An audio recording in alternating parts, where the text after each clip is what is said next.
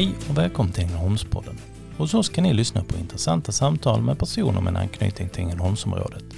I avsnitt 14 träffar Manuela Lignell, föreläsare och mental coach, och Tom Persson, krögare på Maltes i Hembygdsparken. Veckans gäst, Mattias Sjögren.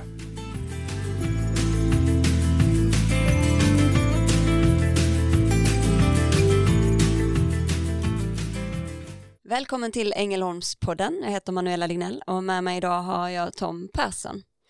Dagens gäst är en stor förebild för många. En välkänd Ängelholmsprofil som visade stort ledarskap då han tillsammans med sitt lag tog SM-silver i våras.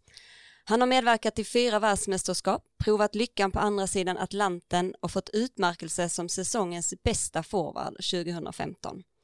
Utanför isen snickrar han gärna staket när tillfälle ges. Varmt välkommen hit, Mattias Sjö Sjögren. Tack så mycket. Kul att ha dig här. Kul att vara här. Härligt. Det är skönt att du kan ställa upp mitt under brinnande sommarträning, för det har ni startat med va? Jajamän, vi är på sluttampen nu så att vi har ett par pass kvar eh, och sen är det semester. Eller semester, Aha, semester. semester alltså? Det är egen träning. Så att eh, för min del som bor här i Ängelholm så är det väl bara att det är färre spelare i gymmet. De andra killarna som inte bor här, de åker hem och tränar någon annanstans. Får man någon slags program eh, av någon kunnig att detta borde du göra på din egen träning? Eh, vi får program av fystränaren och som vi kör hela sommaren. Och, eh, skulle man behöva komplettera med det så berättar han det också. Sen blir vi testade när vi kommer tillbaka efter sommaren så vi har skött oss. Är det så i din ålder att man fortfarande har en skottramp i carporten som man liksom tränar på att skjuta i krysset eller det lägger man, lägger man ner där efter 15-16 års ålder? Man lägger ner det. Jag har aldrig haft en skottramp, eh, skottramp hemma. Eh, jag har ju kört lite mer gammaldags stil. Det är bara varit landhockey och dribbla och köra liksom. Eh, men jag, jag tror man lägger ner det när man kommer upp i min ålder. Det har ju varit en extremt spännande och händelserik säsong, men jag tänkte att vi kan väl backa bandet lite till och eh, gå tillbaka lite från när ditt liksom, hockeyintresse startade. Kan du minnas själv hur gammal du var när du liksom satte... Inte helt, jag har fått det efterberättat av mina, mina föräldrar. Eh, jag var väl någonstans runt sju, ska jag tippa på. Och bångstyr, jag hade ett extremt temperament när jag var eh, liten och genom min uppväxt egentligen. Och vägrade spela hockey. De körde ut mig där och jag skulle inte spela. Sen när jag väl började, då när det väl passade mig så att säga. Det var i slutet på säsongen och sen blev jag vansinnig när de smälte isen där i april. Eh, så det var någonstans där vid sju och sen efter det så var jag fast och älskade spelet, lagsporten och hockey och eh, även andra sporter. Fotboll var lika viktigt för mig som hockey var många år. Så att, nej, men jag är en kille som gillar lagsporten, liksom, tycker det är fantastiskt. Du är uppväxt i Landskrona? Korrekt. Bodde där fram till jag var 15 då, innan jag kom hit till hockeygymnasiet. Och hade en kanonuppväxt i Landskrona och växte upp i Båstadhusen och som sagt det var fotboll och hockey för hela slanten. Hockey på vintern och fotboll på sommaren och däremellan så all fritid utöver det man skulle sköta skolan på så var det ju liksom sport och fotboll och hockey med kompisar också. Så att, eh, väldigt hockey och, eller så här, väldigt eh, idrottsanpassad uppväxt på det sättet. Och du har en storbror också? En storbror som också spelade hockey och fotboll. Och vi tävlade alltid mot varandra. Han är ett par år äldre och var väl lite större, lite starkare men alltså det, det var alltid fullt krig vad vi än gjorde. Och vi var ett gäng unga där i, i Borås som växte upp med blandade åldrar. Men vi drog ihop det och spelade vad det var landhockey, det var fotboll eller så vidare och så vidare. Och ett gäng som verkligen älskade det och var extremt tävlingsinriktade så det slutade oftast med, med katastrof och lite så. Morsan var väl tokig på sig ett tag där. Den ene kom hem först och den andra kom hem med alla grejer efter för att det hade blivit slagsmål liksom. så att det, det, var standard. Fram till en eh, viss ålder när Marcus då, min bror, eh, började träna hårt och blev lite väl fysiskt stark då, då, då gav vi upp. Då fick du hitta andra sätt kanske att vinna tävlingarna på? Då, då blev det väl lite naturligt att vi inte spelade ihop längre på det sättet och han blev lite för cool för att hänga med också kanske där några år. Sen tog det ett tag innan vi hittade tillbaka och blev vuxna ihop liksom. Så att det, det är väl naturligt i den åldern. Eh, men vi har haft stor nytta av varandra, sporrat varandra och jag har alltid varit med kring hans matcher eh, med mina föräldrar. Tyckte det var skitkul och, och bara kolla när han spelade, om det var fotboll eller hockey. Så var man där och tittade och såg upp till, till de, eh, de han spelade med. Och så det var en viktig del i min karriär sen också. Få tävla med de som är äldre och större, det gör ju, det härdar på något sätt. Du sa att du var inte helt självklart om du skulle hockey eller fotboll. Var, när, var det liksom, när bestämde du dig för att det var ändå hockey som du skulle satsa helhjärtat på? Det bara föll så när jag var ungefär 15. Då blev det att jag och några andra spelare i Landskrona Hockey på den tiden eh, fick möjligheten att träna med Rögles U15. Och på den banan blev det som att jag valde hockey och släppte fotbollen. Sen var det väl inte så att jag var toksatsad på fotboll i den åldern heller, men det kändes som att det bara föll naturligt på att det blev hockey och man började liksom pendla upp till Ängelholm för att träna där och det tog mer mer tid och de tränade ofta än vad vi gjorde i Landskrona och de tränade även på började med sommarträning liksom för att bygga upp inför säsongen och då, då föll fotbollen bort bara och det blev hockey. Var det stor skillnad på Rögle kontra Landskrona? Jättestor skillnad ju. Det var en, eh, en helt annan dignitet på klubbarna. Lilla Landskrona har ju ofta, vi hade ett väldigt bra ungdomslag i Landskrona men när man kommer upp i den åldern så är det ju många spelare då som försöker testa lyckan i Malmö eller Rögle och det var samma för vår åldersgrupp. Eh, vi hade ett gäng spelare som gick till Malmö och ett gäng spelare som gick till Rögle och det är nästan den vägen som man får gå för om man ska lyckas. Det är, tyvärr är det svårt att stanna kvar i Landskrona den åldern eh, eftersom att de har ett, hade på den tiden ett A-lag i, i division 3 och som kanske inte hade någon ambitioner direkt utan det var, det var, det var den vägen man fick gå. Eh, och samtidigt så tror jag Landskrona ser stolthet i att spelarna går den vägen och lyckas och eh, visar att man kan vara, bli hockeyproffs även när man spelar i lägenet. Du sa en del gick till Malmö, en del gick till Rögle. Malmö och Rögle är inte alltid bästa vänner när det gäller hockey. Hur, liksom, hur tänker man där? Varför väljer man Rögle kontra Malmö? Nej, men det är väl naturligt. Malmö och Rögle har ju, bra, har ju redan bra egna spelare. Och att vi skulle, tio man från Landskrona skulle ta plats i Malmö och Rögle, det, det, det, det händer inte. Utan det blev väl naturligt att man var, delar upp sig kanske och testar lyckan på olika ställen. Sen hade vi en av våra tränare och hans son. Han gillar ju Rögle och då blev det som att han vill ju inte ha spelarna i Malmö. Då mm. åkte vi till Ängelholm istället och det, det är jag glad för idag. För jag, där hängde jag på och eh, fick chansen i, i Rögle då. Och sen har det blivit som det blev. Så det är ju en uh, stor nyckel till att min karriär den har blommat ut att vi, vi stack, vi stack i den åldern och satsade på det. Uh, ju längre du stannar ju svårare kanske blir det att hänga med och komma till Rögle senare. Då kan det vara för sent på så vis att man, då har man inte riktigt hängt med i den utbildning man får som ungdomsspelare i Rögle. Du sa du pendlade hit till Ängelholm. Hur länge gjorde man det? Det blev två säsonger uh, och det är ju tack vare mina föräldrar att de har ställt upp och kört efter jobb och gett oss, gett oss träningar. Ja, men gett oss den möjligheten att, att kunna träna. Uh, nu var vi några stycken så vi kunde dela på den pendlingen. Uh, min pappa körde samtidigt min bror till Malmö åt andra mm. hållet och det var han ensam med. Så att, uh, men de har gjort otroliga uppoffringar för att man ska kunna få möjligheten att, att lyckas. Fantastiskt. Att, ja, nej, det är nästan det som krävs för att bli, och alltså, om man ska lyckas så behöver man föräldrar som, som stöttar. Det är otroligt viktigt och de har ju ett brinnande intresse och än idag kollar de ju alla matcher, men på ett annat, annat sätt och jag har ju givetvis eh, distanserat mig från, från mina föräldrar där när det kommer till hockeybiten. Den klarar man ju själv sedan många, många år tillbaka, men det är otroligt kul att se deras intresse och hur mycket de brinner fortfarande för att eh, ja, titta på när jag spelar hockey. Är de idrottsintresserade i grunden eller bara älskar sina barn fantastiskt mycket? Eh, det är väl en mix av det. De är jätteintresserade av eh, idrott och morsan var simmare, eh, pappa var hockeymålvakt. De spelade, pappa spelade väl fotboll också. Så att de har alltid haft idrottsintresset och de har alltid gett oss möjligheten att spela. Eftersom att det inte är den billigaste sporten heller att hålla på med. Så att det, ju, det kräver ju det kräver ju sin uppoffring krävs engagemang från föräldrarna också. Jag tänkte det du sa, om inte de hade tvingat dig att gå upp på isen där i början innan du själv ville vara där så hade du kanske inte varit där du är idag jag hade väl tagit mig dit ändå någon gång, men det, det är ju det. Morsan kände mig väl väl och visste att det krävs lite, man får pressa han lite grann och mycket riktigt och så ville jag väl prova på det. Mm. Och sen när man är i den åldern, man vill ju gärna att ens kompisar spelar och när de väl spelar då, då kan man göra vad som helst i stort sett. Bara man får den här gruppkänslan att man är med, då, då, då hänger man ju på. Så att hon känner mig väl. Du har ju haft en lång karriär inom hockeyn, eh, nu är vi fortfarande väldigt i början av den, men jag tänkte när liksom bestämde du dig för att det här skulle vara det du, du ska göra i livet? Alltså det kom ganska sent. Jag kom in på hockeygymnasiet i Ängelholm och det var väl ingen självklarhet. Det var tuff konkurrens om platserna och det var många bra spelare som inte kom in.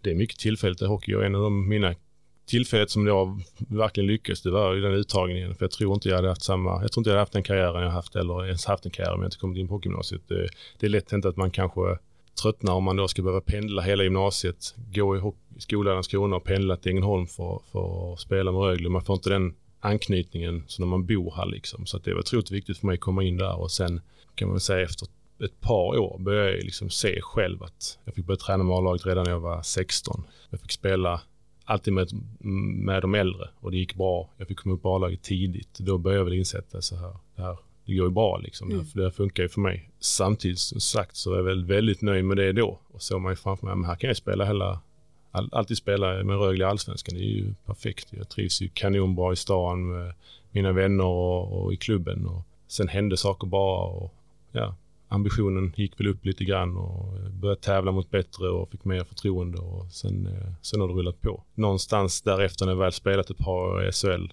då började jag väl inse att det kan bära. Det eh, blir en lång karriär och med hjälp av människor runt omkring mig också, erfarna tränare eller hockeykunniga som liksom sa till mig att eh, du, det här kan gå bra liksom. Du, tänk på de här bitarna och så vidare och så vidare. Och det, det är nyttiga tips som har gett mig en karriär.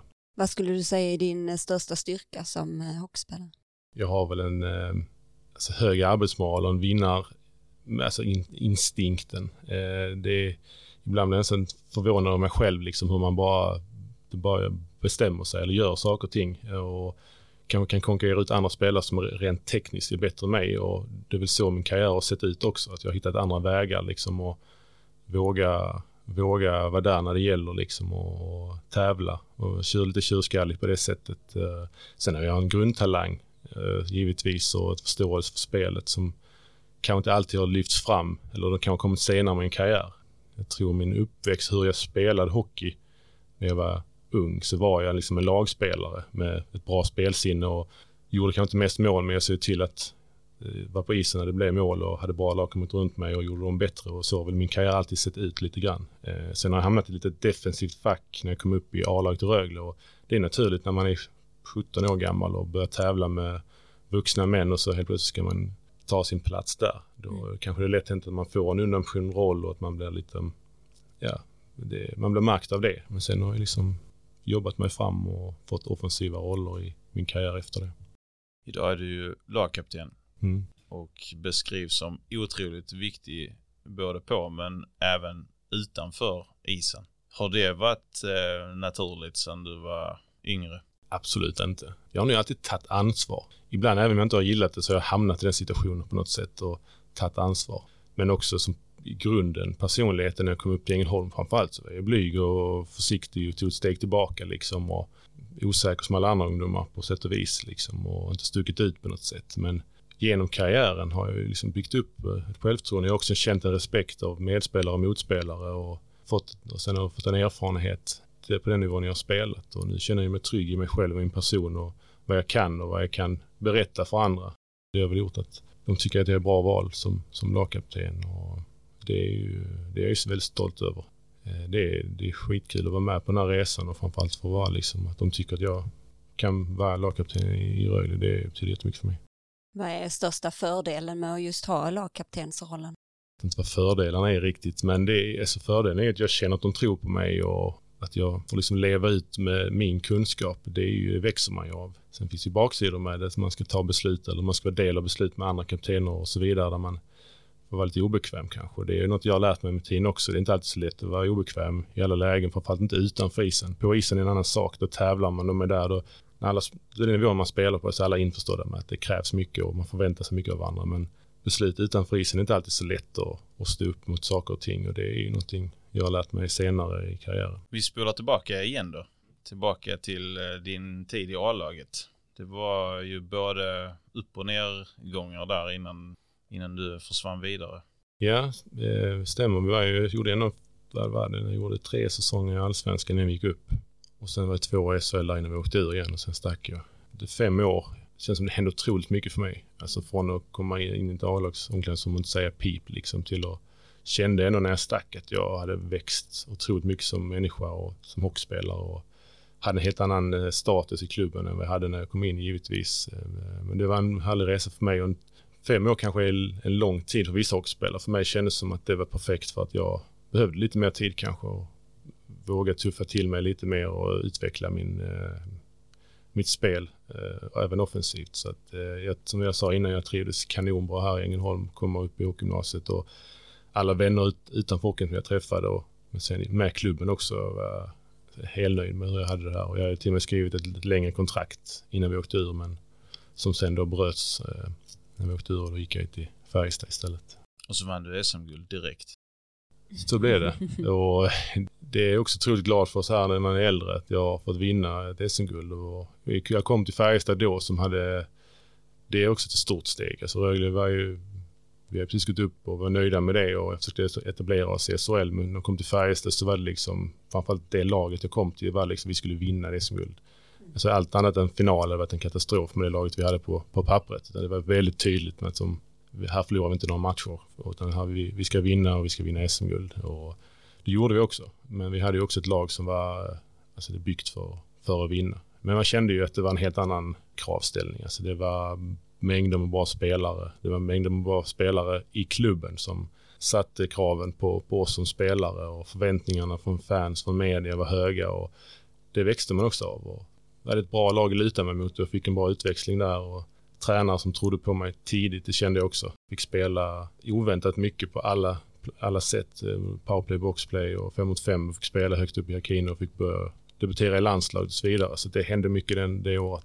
Med fast i hand så var det ju rätt val att gå dit. Man kanske valt andra lag för att tänka att här finns nu mer möjligheter för mig så var ju Färjestad klockrena valet för mig då. Vi hade besök av eh, Marcus Turesson eh, mm. här mm. i Ängelholmspodden också och han pratade också hockey och en liten del eh, från sina erfarenheter och så och han pratade mycket om tillfälligheter och viktigt mm. att liksom vem man hamnar med, vem man spelar med och hur mm. det utvecklar sig. Vad skulle du säga, ser du några specifika så här tillfällen som just du fick för att det skulle bli eh, så pass bra som det blev för dig? Absolut. Alltså det är extremt mycket tillf tillfälligheter. Det är inte en tillfällighet att jag har haft en så här lång karriär som jag har haft på den nivån. Det, det kräver ju det kräver mycket, men det är tillfälligheter under den tiden där det ska studsa med dig och det kan studsa mot dig väldigt mycket.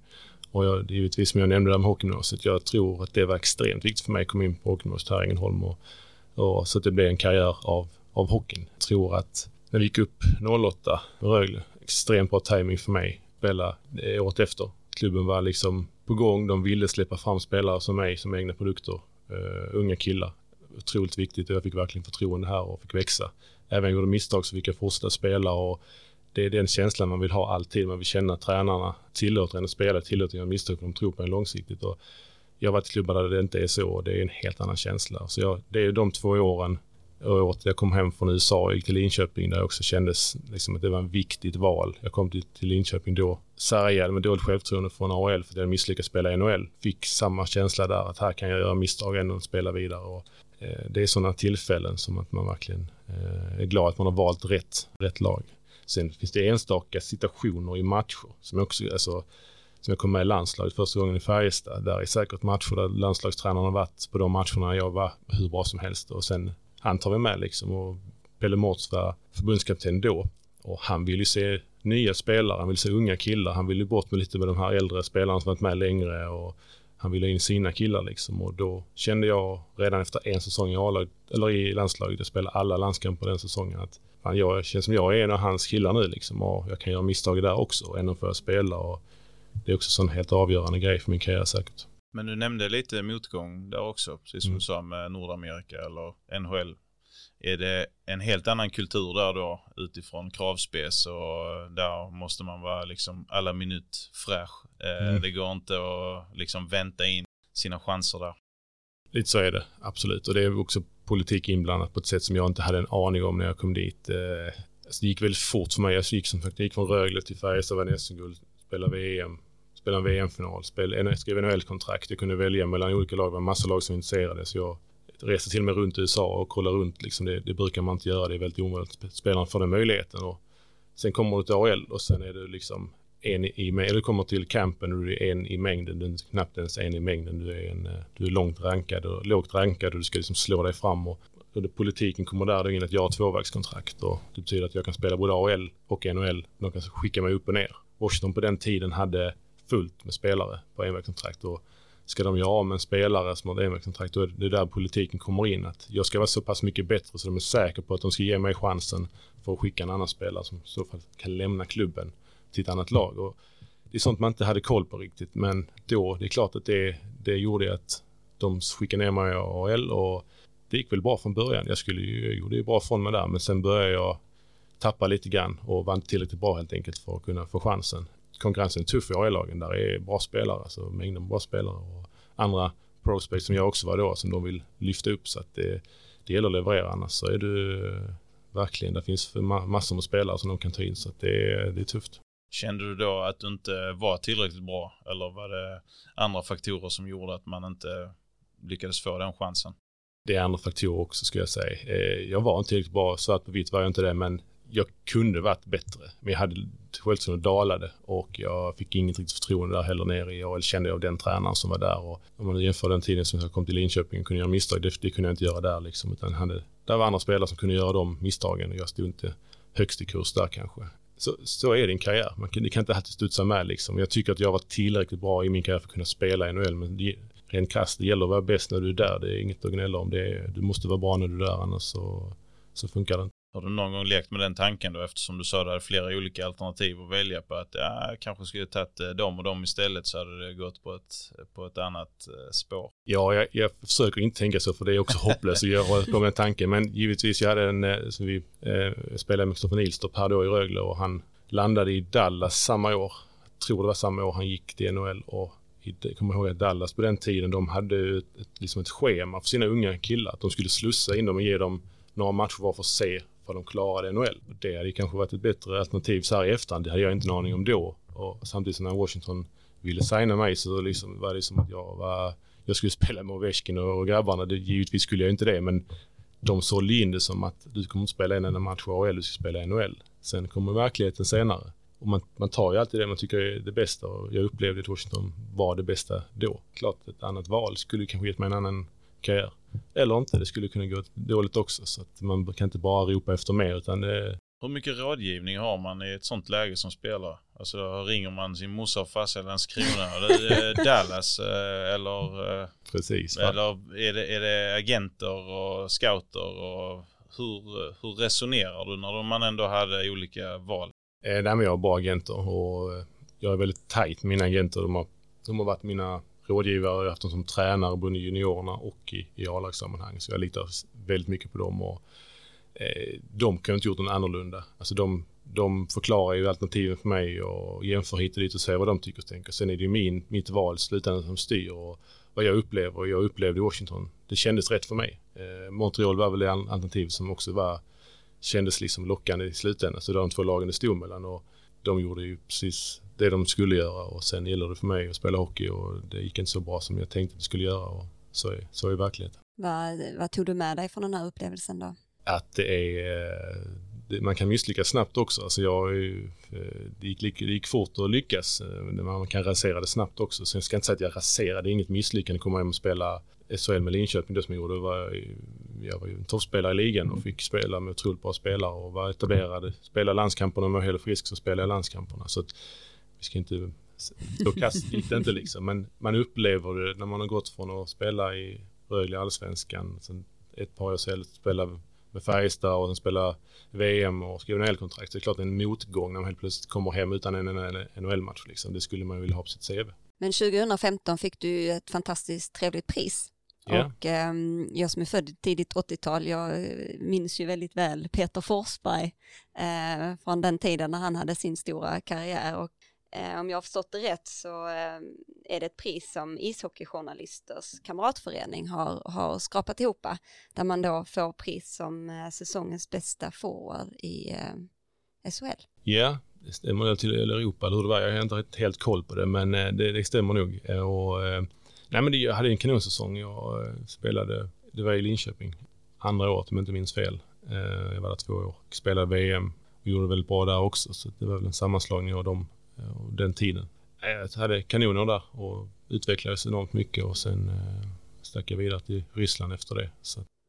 Du hade din eh, poängmässigt bästa säsong just i Linköping. Mm. Var det lite revansch från... eh, Nej men jag växte otroligt mycket efter det. För jag kände ju liksom att komma ner där och så var jag lite osäker på mig själv. Så jag, jag, de sa ju tidigt att de vill satsa på mig, sätta mig som första center och så vidare och ta ett stort ansvar. Det är klart man ändå så här undrar väl liksom, ska jag bära, bära det här nu liksom? Och eh, sen fick jag spela med bra spelare. Jag spelade med killar som jag kände sedan Rögle-tiden med Per Ahlbrandt och Simon Hjalmarsson och de hade spelat ihop sig sedan tidigare och var väldigt samspelta och fick liksom växa in i min roll där. Jag tror de uppskatta mig som spelare snabbt också för vad jag bidrog med. Två duktiga offensiva spelare. Jag bidrog kanske lite mer med det defensiva också och ett annat fysiskt spel än vad de två bidrar med. Så att eh, vi hittar varandra och eh, det, det växte jag av och sen då att man, man tittar tillbaka, att man har varit i AL och vad allt det innebär liksom. Det är en helt annan livsstil Så alltså, man får klara sig helt på ett annat sätt. Det är mycket tuffare miljö, det är tuffare tränare, det är tuffare spel. Så då börjar man utnyttja de erfarenheterna och eh, det blev något väldigt bra av det.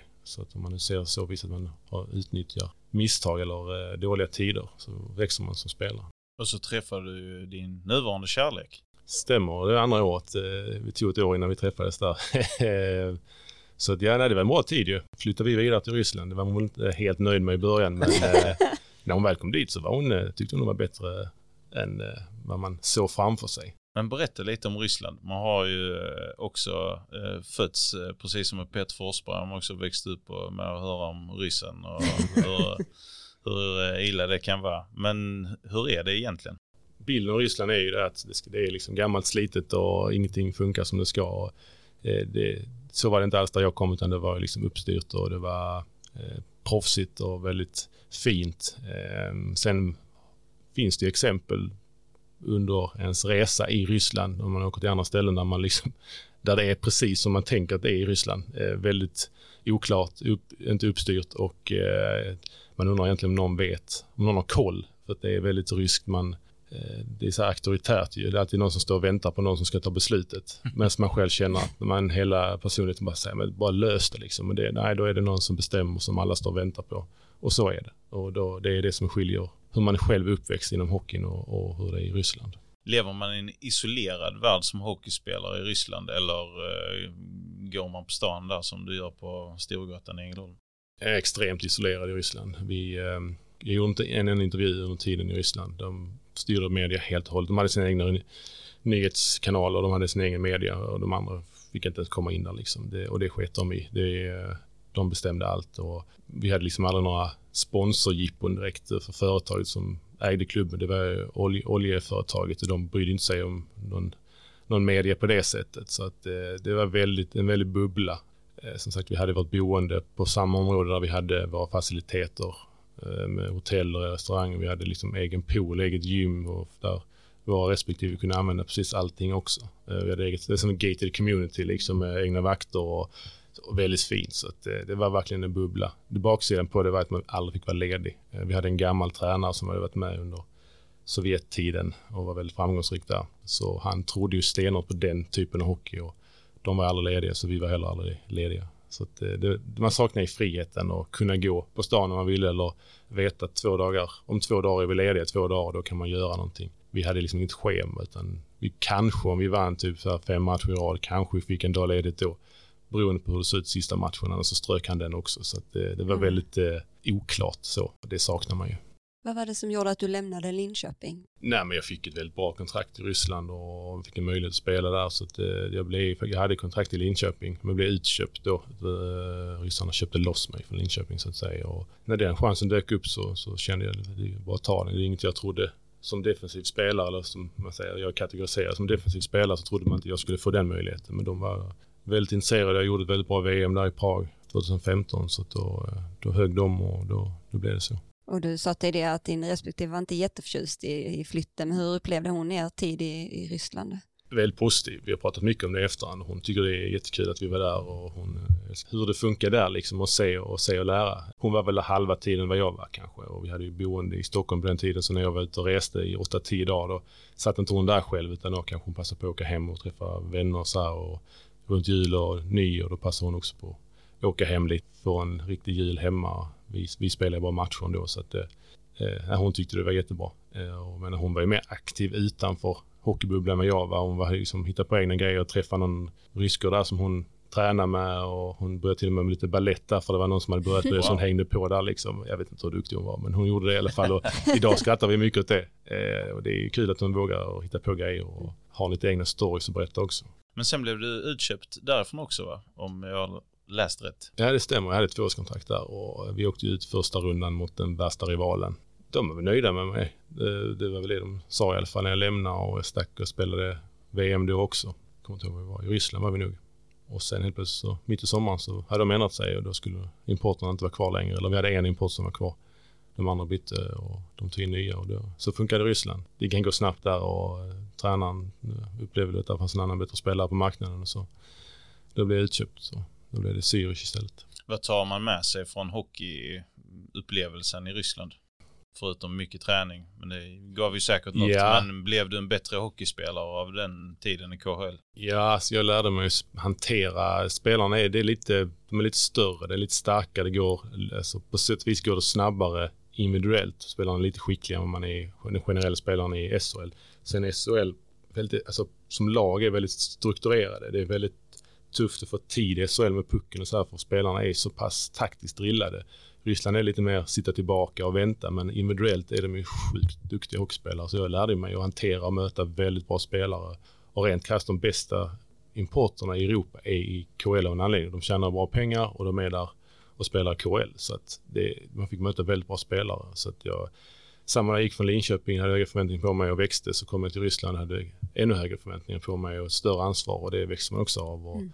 sen det jag hanterar liksom prata i den miljön helt annan tuffhet än man är van i Sverige där man förklarar för en varför man gör fel. Det finns att förklara i Ryssland. Det var tydligt så här ska du göra och löst det liksom och det växer man också av som människa och som sagt livet utanför hockey man fick hantera människor som var på ett helt annan eh, helt annat sätt än man är van vid och det var ingen fara med det och det, det upp- det upptäckte man ju eh, efter en tid och där klarar man också av och det växer man av så att jag är glad att jag gjorde ett år där också.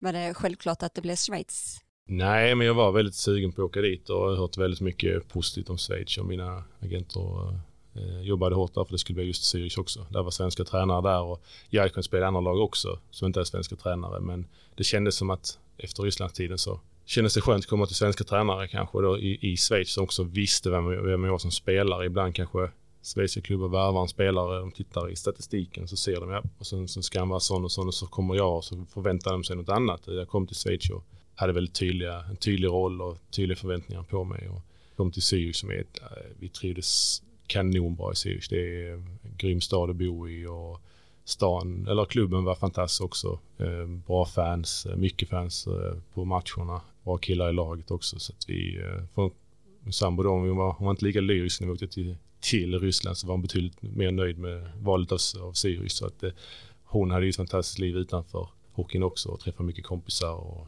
ja, vi träffar mycket kompisar också som inte har med hockeyn att göra. Så att det, det var jättekul. Du sa att eh, du var sugen på det för man har hört mycket bra om det. Mm. Vad är det för bra saker man hör om, om Schweiz som hockeyspelare?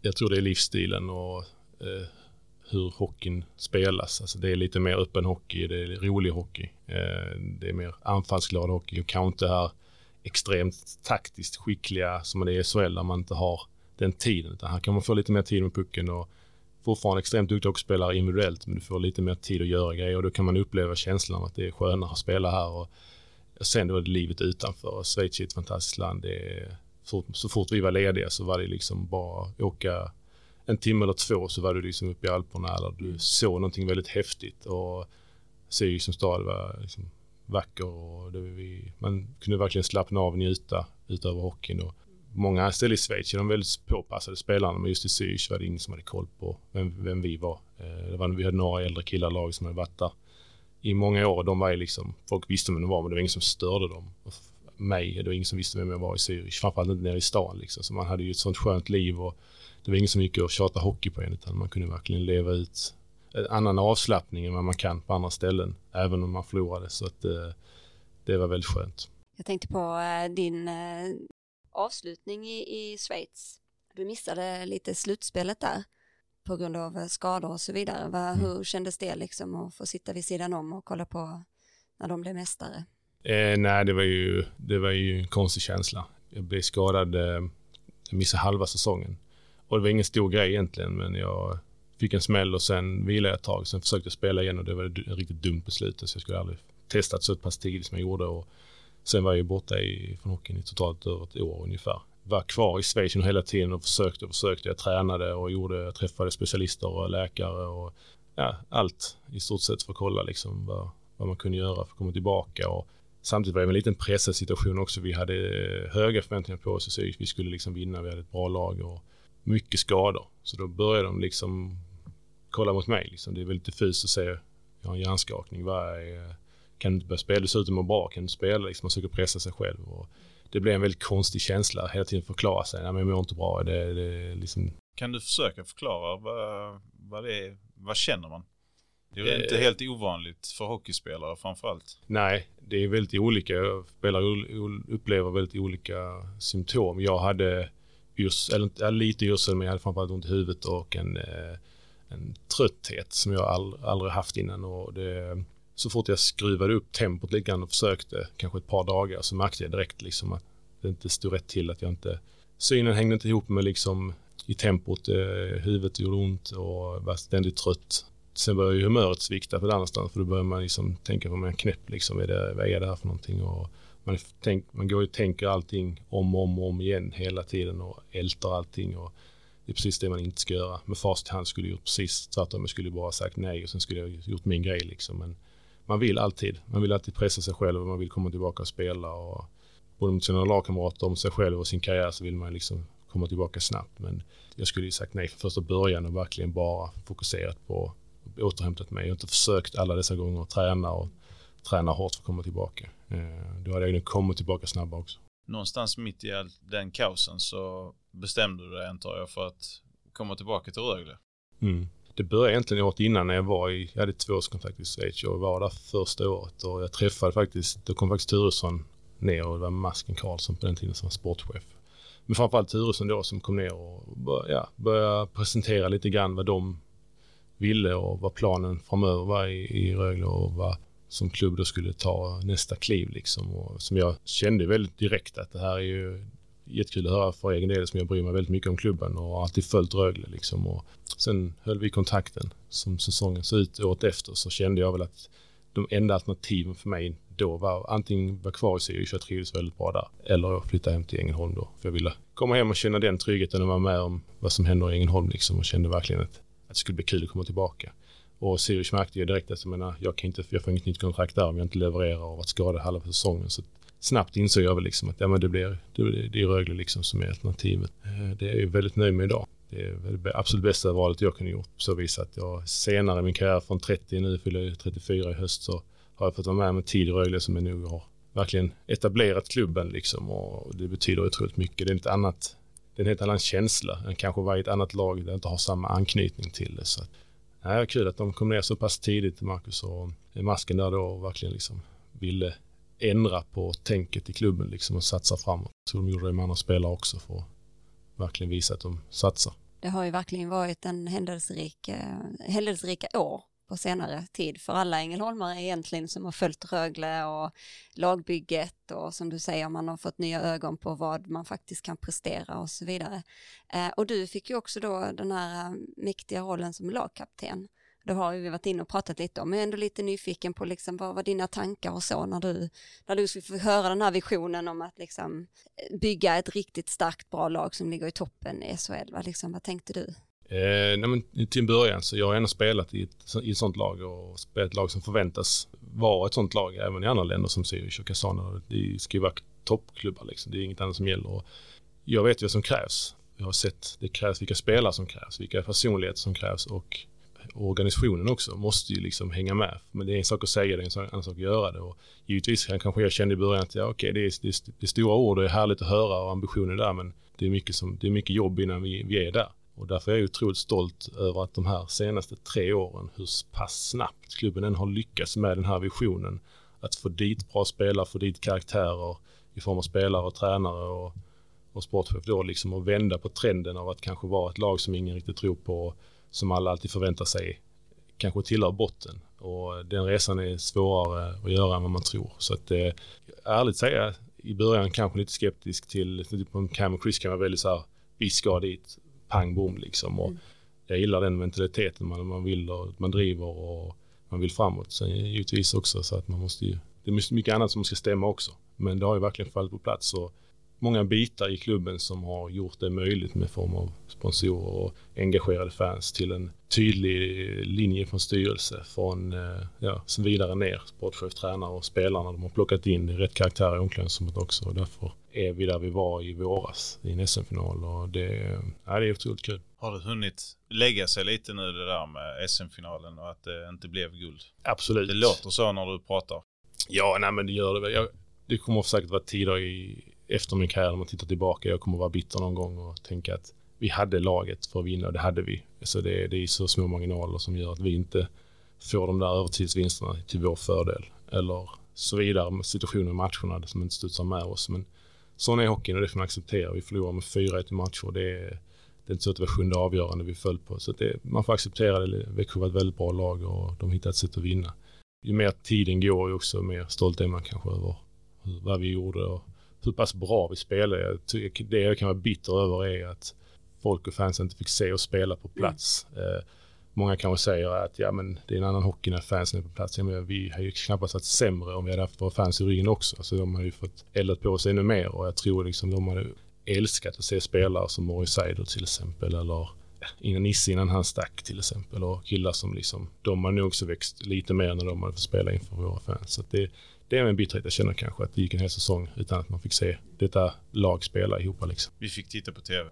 Ja, nej, men det är ju... Och det är vi ju tacksamma och glada ja. för. Det har nu räddat många, eh, den äldre befolkningen under coronatiden att få sitta faktiskt och följa er hemifrån. Till så är det. Vi, dock satt vi dock i omklädningsrummet innan vissa matcher man satt och sa till varandra liksom, fan alltså, det hade ju varit magiskt med en fullsatt liksom, framförallt med vissa matcher i slutspelet. Alltså man kan inte ens ta in hur mycket tryck det skulle varit till kanske sista semifinalen mot Skellefteå. Liksom. Det, det hade ju varit sån drag så att det, man vet inte om man, man hade kunnat höra varandra i båset. Liksom. Så att, sånt, sånt kom och satt man där och tänkte att man, det, här, det, det gick man miste om. Och så är det. Det resultatet är det viktigaste. Vi spelar en SM-final och det tror jag folk och fans är glada över och har sett. Ja, vilken prestation, verkligen. Ni ska vara så stolta. Det är vi alla andra här i Ängelholm ja, som har följt er i många år. Så. Och det märker man, alltså, går man upp i stan eller man träffar kompisars kompisar eller man bara springer på en avlägsen granne typ, så är de ju, är det precis det de säger liksom. Så det är jättekul att höra.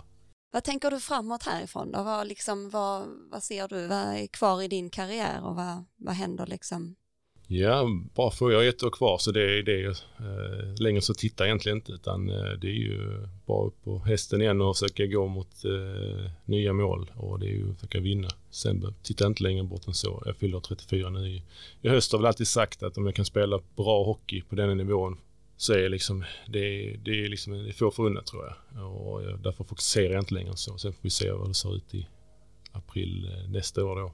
Om, ja, det är inte bara jag som bestämmer om jag ska få vara kvar i här klubben. Det är, det är, det är den sportsliga organisationen som bestämmer det också. Och sen får man se om kroppen håller och om man känner att man vill spela vidare och så vidare. Det är, jag försöker inte tänka längre än den här så säsongen. Med kropp. Eh, jag tror jag såg någon eftermatchintervju där du beskrev det lite som att den här håller kanske inte hur länge som helst. Att man är, man är inte 20 längre eller något i den stilen. Känner du ändå att du är i, vad ska vi inte säga, i sista versen, men i slutet liksom på den fysiska karriären på den nivån i alla fall. Ja, absolut på så vis att det sliter att spela matcherna och man får liksom småskavanker krävs mycket mer extraarbete. Det är upp, mer uppvärmning, det är mer efter matcher och det är liksom mer, lite mer ont innan det börjar liksom släppa. Och det kommer ju med åldern liksom och slitningar och spelat mycket, många matcher och spelat långa säsonger och det är naturligt. Sen om man kollar in på hur sommarträningen ser ut nu så känner jag mig väldigt stark och vältränad fortfarande. Så jag skulle kunna hålla på en evighet. Men mentalt så, så gäller det att vara fräsch i huvudet. Liksom känna att kroppen eh, inte behöver det här 20 minuters eh, upp, eller extra uppvärmning varje gång för då, då nöter det liksom. Så det, det, det, är det man får ta in och avgöra och, om man är beredd att lägga ner det i arbetet eh, och hur många säsonger man är beredd att lägga ner det om man nu vill fortsätta. Eh, därför jag tar en säsong i taget. Det går liksom inte att säga om det redan nu. Det ser jag med stolthet att jag ska spela en säsong till i Rögle, så får vi se vad som händer.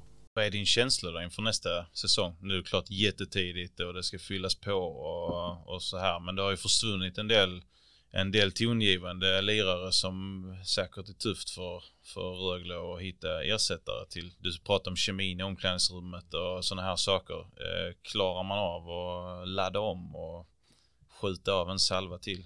Det hoppas jag och det är det som blir en stor utmaning för oss. Eh, förväntningarna kommer att vara högre från eh, våra egna fans, eh, media, från Hockey-Sverige överlag.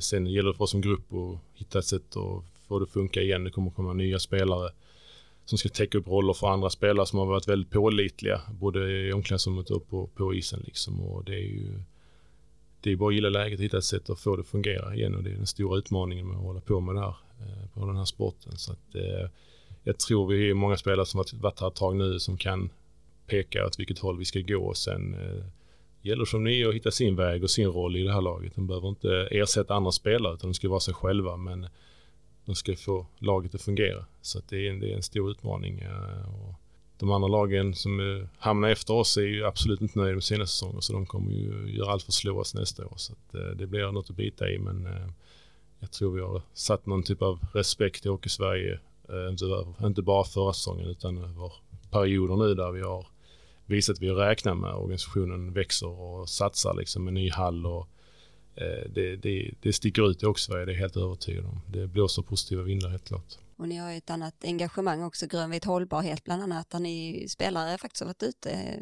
bland våra barn och ungdomar här ja. i Ängelholm och hälsat på. Vad, har du engagerat dig någonting i grönvit hållbarhet? Alltså det är ju det vi gör med klubben så att säga. Man är ute och träffar lite skolbarn och så vidare om sortering. Det känns nästan som de kan det bättre än vad vi, vi äldre kan. För de är ju liksom uppväxta med det på ett annat sätt. Det är de som lär er istället. Ja, men typ alltså. nästan. Alltså det, och det är ju sånt som klubben gör. Det finns andra grejer utanför hockeyn. Det är så mycket större nu för tiden med eh, sådana bitar eh, som inte har funnits förr. Liksom, som eh, ja, sponsorer, och media och fans förväntar sig att klubben ska ta. Liksom. Och så det, klubben växer och då är det en del av det som tillhör hockey numera. Så att det får man åka ut till skolan och visa hur man sorterar eh, plast och aluminium. Just det, mm. spännande. Om du nu inte, det är klart att du inte ska spela hockey resten av ditt liv, men har du någon eh, känsla för vad, vad kommer du göra när du lägger av med hockey? Utbildar du dig nu eller eh, blir det taxi eller vad, vad gäller? Eh, nej men vi får väl se. Jag, är, har ju mina, klart mina tankar kanske som håller för mig lite för mig själv så här, men jag är eh, absolut i de banorna där jag började förbereda för ett liv utanför hockeyn och både mentalt och sen börja liksom börja titta på eventuellt utbildning eller andra sätt att ta sig fram i ett annat yrke. För det vill jag ändå. Och Hockey är inte ett alternativ för dig att stanna inom?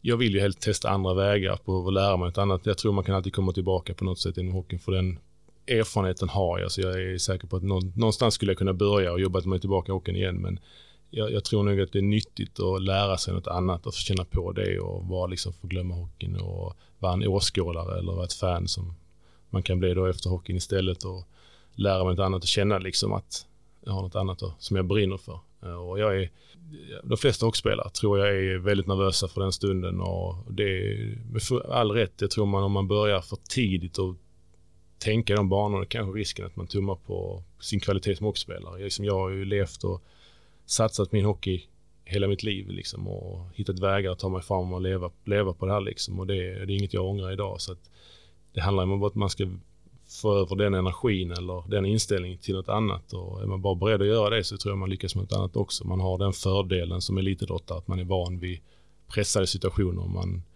kan eh, hantera de situationerna. Men man måste ju göra det också. Det kommer inte komma gratis till en och det har jag inget problem med att det kanske tar sin tid eller att jag, man får börja om igen på ny kula liksom. Jag är ju ja, jag är vem som helst på en annan arbetsplats just så då får man ju jobba hårt på dit man kommer så att säga.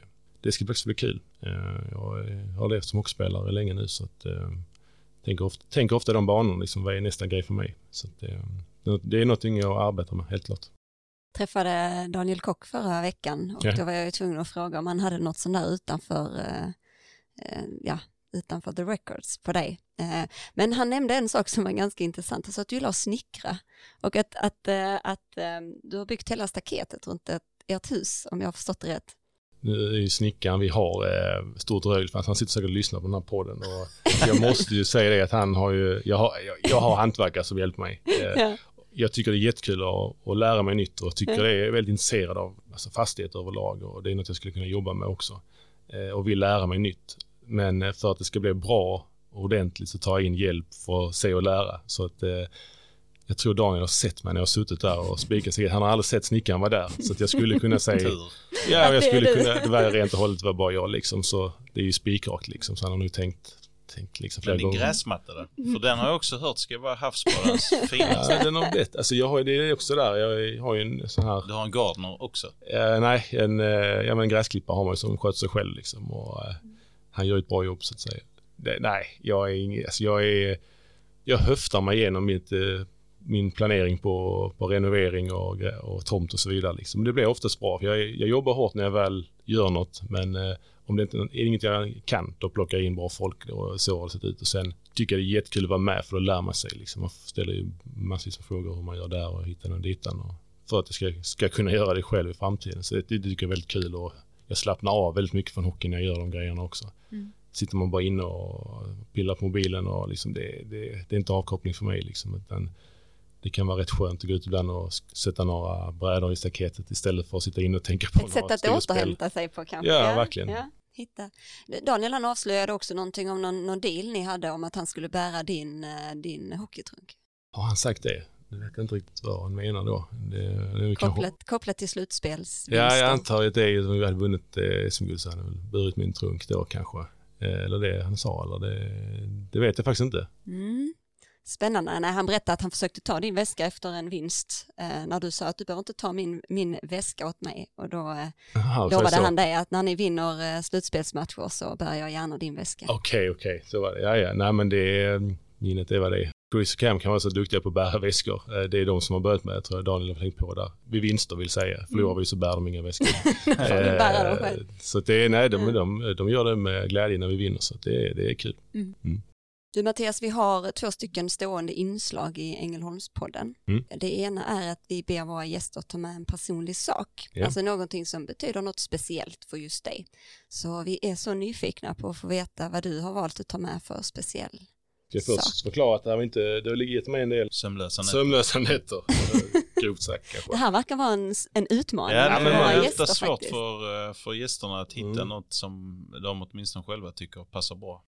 det är ju det här, man vet, man vill ju inte liksom, det här är förknippat med en sen liksom. Så man kan inte, alltså, min sambo, jag sa att jag innan min sambo, det är tusen grejer som var jätteroliga för henne att att berätta, men det är ingenting jag skulle ta med mig för att det, det skulle ju få mig att framstå på ett helt annat sätt vem jag egentligen är liksom. Så börjar man ju och jag sa hit och dit, tänkte vad ska jag ta med för någonting sen? Ja, det kan inte bli en sak tänkte jag, för det blir ju, det blir fel. Så det, tog jag faktiskt med en, eh, det är en bok med min eh, sons, eh, ja, små och stora ögonblick i, i livet, det vill säga de första grejerna han gör i livet. Och på så vis, det är ju det viktigaste i, i livet. När- och när vi fick barn så var det liksom verkligen en, en ögonöppnare på ett annat sätt än vad man haft upplevt tidigare. Så man var lättare att glömma saker. Man eh, blev mindre självisk och man tänkte mer på omgivningen och så vidare. Och det, det är så klassiskt men det var verkligen tydligt för min del också. Och därför tog jag med den för jag kände att det var en viktig del i, min, i mitt liv där jag kände liksom att det, det har väldigt mycket gott med sig. Och, och även för min hockeykarriär då att man får, får barn som att man,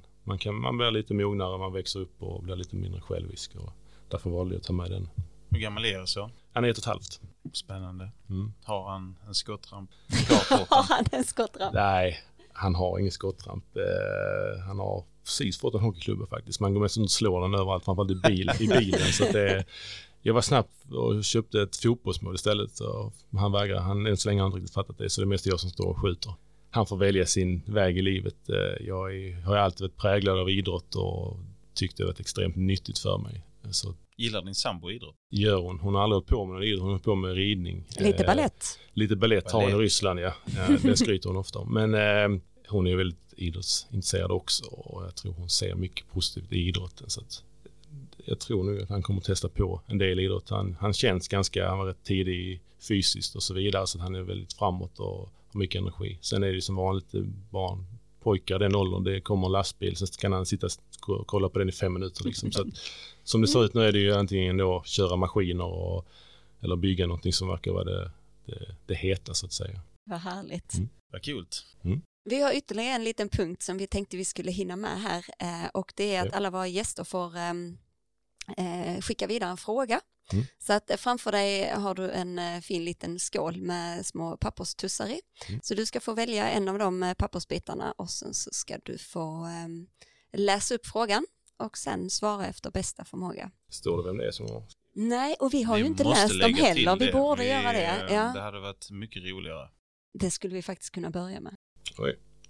Någon som säger, om du fått leva om ditt liv, skulle du gjort det annorlunda eller likadant? Oh, bra fråga. Mm. Så det har jag faktiskt tänkt på någon gång. Eh, och eh, det är väl lätt hänt att man tror att man skulle gjort massa annorlunda, grejer annorlunda för att få det ännu bättre. Men som jag har haft det, hur jag har levt och mitt liv har sett ut med uppväxt, hur, hur privilegierad jag är att få hålla på med det jag tycker om att göra som mest, så skulle jag inte vilja göra någonting annorlunda. Och visst har jag gjort misstag och, och tagit dåliga beslut på vägen, men det har också gjort mig till en bättre människa och jag har lärt, man lär sig av sina misstag. Så att jag menar, jag är otroligt glad att leva livet jag gör och få, få göra det jag älskar mest. eh, Och, och fin familj och fått, eh, ja, eh, hela det, vad det innebär liksom. Så att, nej, jag skulle inte gjort något annorlunda. Det känns inte som du är den här eh, vansinniga pojken längre när du sitter och pratar. Du känns väldigt harmonisk och ödmjuk inför livet du lever. Ja, men det gör jag väl. Sen kan jag ju, givetvis har jag mina mörka, st- mörka stunder, men jag har mina dåliga stunder också liksom. Men jag är grund och botten är jag väldigt eh, nöjd med hur det har blivit. Kan ändå reflektera rätt mycket över eh, hur saker och ting skulle kunna bli om jag inte hade tagit vissa tuffa beslut eh, för egen del eller kämpat vissa gånger när eh, du har behövt kämpa lite extra liksom. Så det, det, nej, jag är, eh, man ska, det är lätt att gapa efter för mycket liksom. Jag är otroligt glad över hur jag, hur jag har haft det och har det. Innan vi började spela in den här podden så hade vi förmånen att sitta och prata en liten stund med dig. Eh, och det här med att du eh, uppväxt i Landskrona och sen bodde rätt många år i Ängelholm gjorde att här känns lite hemma. Vi pratade just om att nu har ni kommit tillbaka hit. Eh, din fru är dock inte härifrån, men eh, hur liksom tänker du Ängelholm? Är det, är det här du vill? Definitivt. Alltså, vi är ju, även om jag inte spelar hockey mer här, eller spelar hockey överlag nästa, efter nästa säsong, så är det här vi stannar. Liksom. Det, just nu i alla fall, jag ser ingen annan anledning att flytta någon annanstans. Utan vi har, mina, jag träffade mina vänner, mina närmsta vänner idag, på gymnasiet i Ängelholm. De spelar, de spelar inte hockey upp i A-lagen som jag gjorde. Och de hittade andra vägar i livet. Och, eh, men vi är väldigt tajta idag. De, många av dem flyttar flytta tillbaka till Ängelholm och, och familjerna här och det är liksom eh, det känns eh, otroligt härligt att ha kvar den vänskapen. Sen har jag ju kompisar kvar i Landskrona också givetvis men det är de jag umgås mest med i de kompisarna i Ängelholm liksom och trivs otroligt bra i stan också så att, eh, och det är 30-40 minuter dörr till dörr till mina föräldrar i Landskrona om man vill få lite, komma hem och känna lite nostalgi över att vara hemma. Det är, det är nära, nära dit och Mm. eh, man kan alltid sova någon natt där för att känna, att man känna lite barndom igen. Eh, så att eh, vi, vi blir kvar i Ängelholm. Härligt. Jag har en sista liten fråga om hockeyn innan vi bara eh, avslutar det här eh, avsnittet. Jag tänkte på, nu är det ju ny säsong. Mm. Eh, ni ska bygga nytt lag. Mm. Det är andra förväntningar på er inför den här säsongen än vad det var förra säsongen kanske. Och du går in som lagkapten. Vad tar du med dig in? Vad är din, liksom, vad, vad vill du, vad är din vision och ditt mål med den här säsongen som kommer? Börja med måste jag kanske säga att jag, jag tror jag ska vara lagkapten. Man vet aldrig, det ju, kan, ju bli, kan ju bli ändringar, det vet man aldrig. Men jag tror jag är lagkapten i alla fall. Eh, de har inte sagt någonting annat. Så får vi det sagt också, så att förväntar mig att jag ska vara det. Eh, men min målsättning är ju liksom att gå för det i år igen och vinna och vara med och, och, och vinna. Det är en tu, extremt tuff målsättning. Många kanske tänker, ja men vi spelade SM förra året, det är bara att göra om det igen. Alltså det är, om man kollar de andra lagen, både rustar och hur de kanske då som sagt etablerade klubbar som absolut inte vill ha Rögle bakom sig och de liksom har börjat hitta sätt för att de ska liksom ta sig tillbaka till toppen. Så det blir en extrem utmaning för oss. Men eh, som klubb nu så, så tror jag vi kan inte göra någonting annat än titta på och försöka vinna. Eh, Det är ju det ultimata målet för den här klubben att hänga upp en banderoll i, i eh, Catena Arena där det står SM-guld. Liksom. Det är det man får sikta på. Med full publik. Det hade varit mäktigt. Ja, det, det, större blir det inte. Det. Så är det. Jag hoppas att man kan vara med om det. Om inget annat så upplever att det, jag hoppas att det, det kommer hända någon gång i framtiden. Tack så jättemycket Tusen tack, Mattias för att Mattias. du Grymt. ville komma Tack. hit. Om inte Tom har någon mer fråga? Nej, det har jag Nej. inte. Jag är Då- jättenöjd. Du är jättenöjd, du sitter här och ler med hela ansiktet. Ja, men vad Ja. härligt, tack så jättemycket. Tack själva.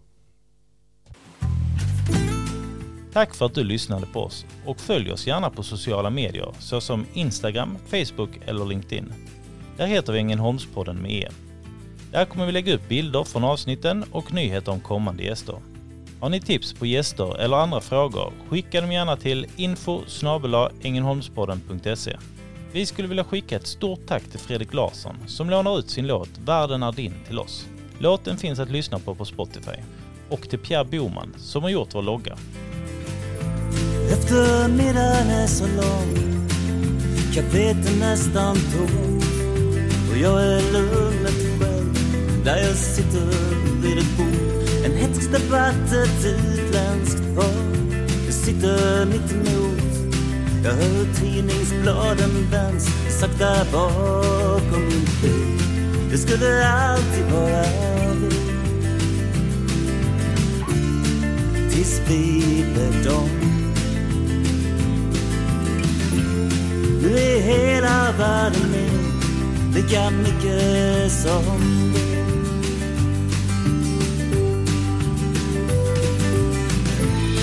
Och en livstid passerar ett andetag långt. En klocka tickar ner, en man stänger sin dörr. Och jag läser några rader tyst för mig själv. En biografi av Felicia Fält hennes livsresa med Att i skuggan av sin liv Där i den mörkaste botten låg den vackraste träd Nu är hela världen med